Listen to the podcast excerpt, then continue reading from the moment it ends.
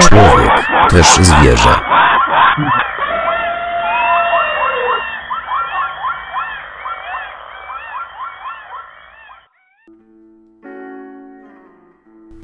Żyjąc ze zwierzętami, naturalnym staje się to, że nadajemy im cechy ludzkie.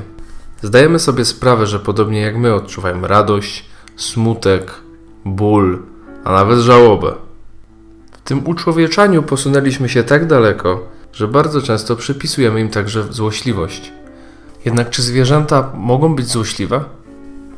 Słownikowa definicja złośliwości mówi nam, że złośliwość to celowe sprawianie komuś przykrości, intencjonalne działanie, które ma na celu sprawienie, aby drugiej osobie było przykro.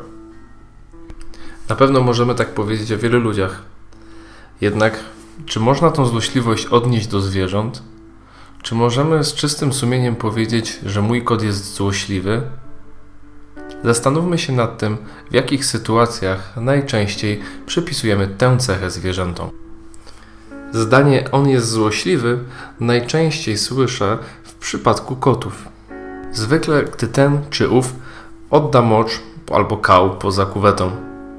Tymczasem w przypadku kota jest to bardzo niepokojący objaw i bynajmniej nie wynika z jego złośliwości.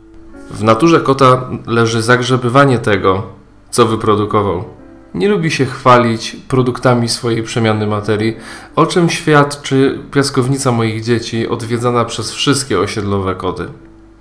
Kot zdrowy, somatycznie i behawioralnie zawsze wybierze kuwetę. Jeśli mocz albo kał lądują poza nią, świadczy to nie o złośliwości, a o problemie. Wspomniałem już w pierwszym odcinku, że zwierzęta nie powiedzą wam, iż coś im dolega, a przynajmniej nie w taki sposób, do jakiego jesteśmy przyzwyczajeni. W przypadku kotów to właśnie nasikanie do waszych kapci jest sygnałem: człowieku, mamy problem. Co więc macie zrobić, znajdując plamę moczu w miejscu nieprzeznaczonym do sikania? Wytarzać w nim kota? Użyć kapcia? Nakrzyczeć? Jeżeli takie są wasze pierwsze myśli, to powinniście zweryfikować swoje średniowieczne poglądy albo zrezygnować z posiadania zwierząt. Serio. Stosowanie przemocy nigdy nie jest rozwiązaniem problemu. Kota załatwiającego się poza kuwetą trzeba zabrać do weterynarza, bo mu coś jest, nie jest złośliwy. Trzeba powtarzać to wszędzie do znudzenia. Wszystko, co wydaje się Wam dziwne i nienormalne w zachowaniu zwierzęcia, faktycznie takie jest i powinno być przeanalizowane. Jeżeli zwierzę nabrudzi, zabierzcie je do lekarza, bo prawdopodobnie jest chore. Postępowanie, jakie zaproponuje lekarz weterynarii, zależy w dużej mierze od tego, co mu opowiecie. Wywiad jest równie istotny jak pozostałe elementy badania. To on nas wstępnie ukierunkowuje i daje sugestie dotyczące pierwszych podejmowanych działań.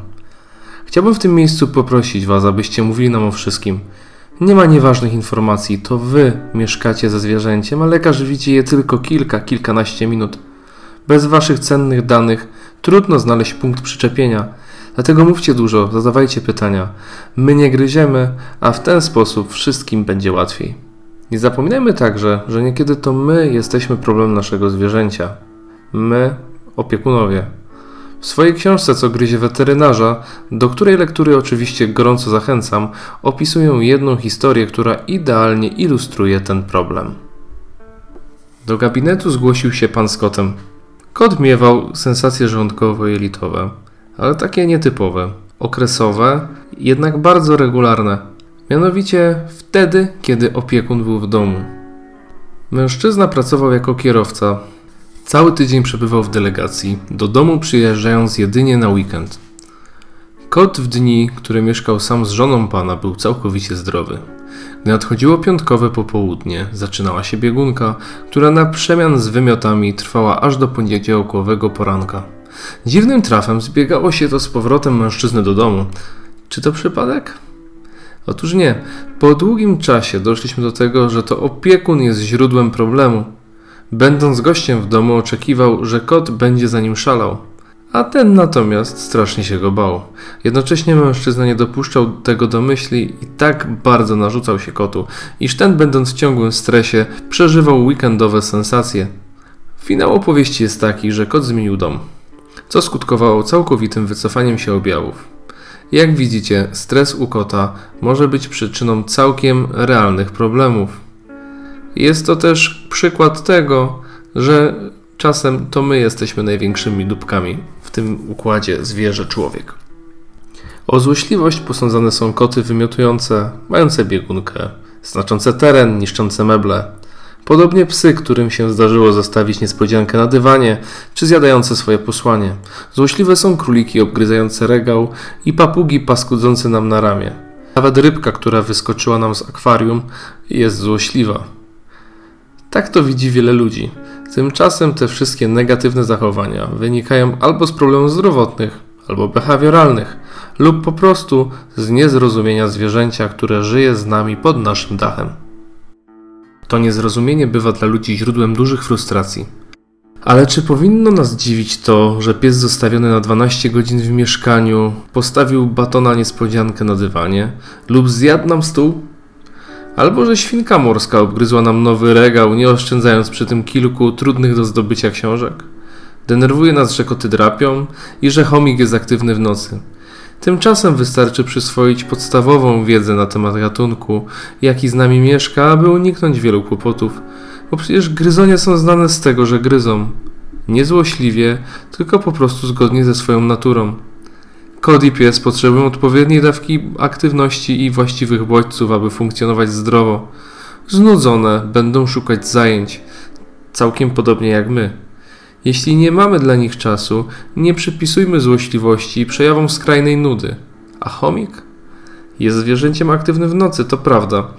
Jeśli dacie mu jednak czas na przyzwyczajenie i okażecie troskę, to zapewne i on dostosuje się do waszego rytmu dnia. Nie wyciągajcie go na siłę z kryjówki, nie pakujcie do kuli. No, chyba że chcecie być powodem stresu, na który te małe gryzonie są bardzo podatne. Mam nadzieję, że Wy, drodzy słuchacze, świetnie zdajecie sobie sprawę, że zwierzęta nie są złośliwe. Jeżeli mieliście wątpliwości, może po dzisiejszym odcinku zdobędziecie się na autorefleksję i przestaniecie im przypisywać tej jakże ludzkiej skłonności. Bo jest to jedna z prawd zwierzęcego świata. One nie są złośliwe. Dziękuję za wysłuchanie trzeciego odcinka podcastu. Mam nadzieję, że spotkamy się ponownie następnym razem. Cześć.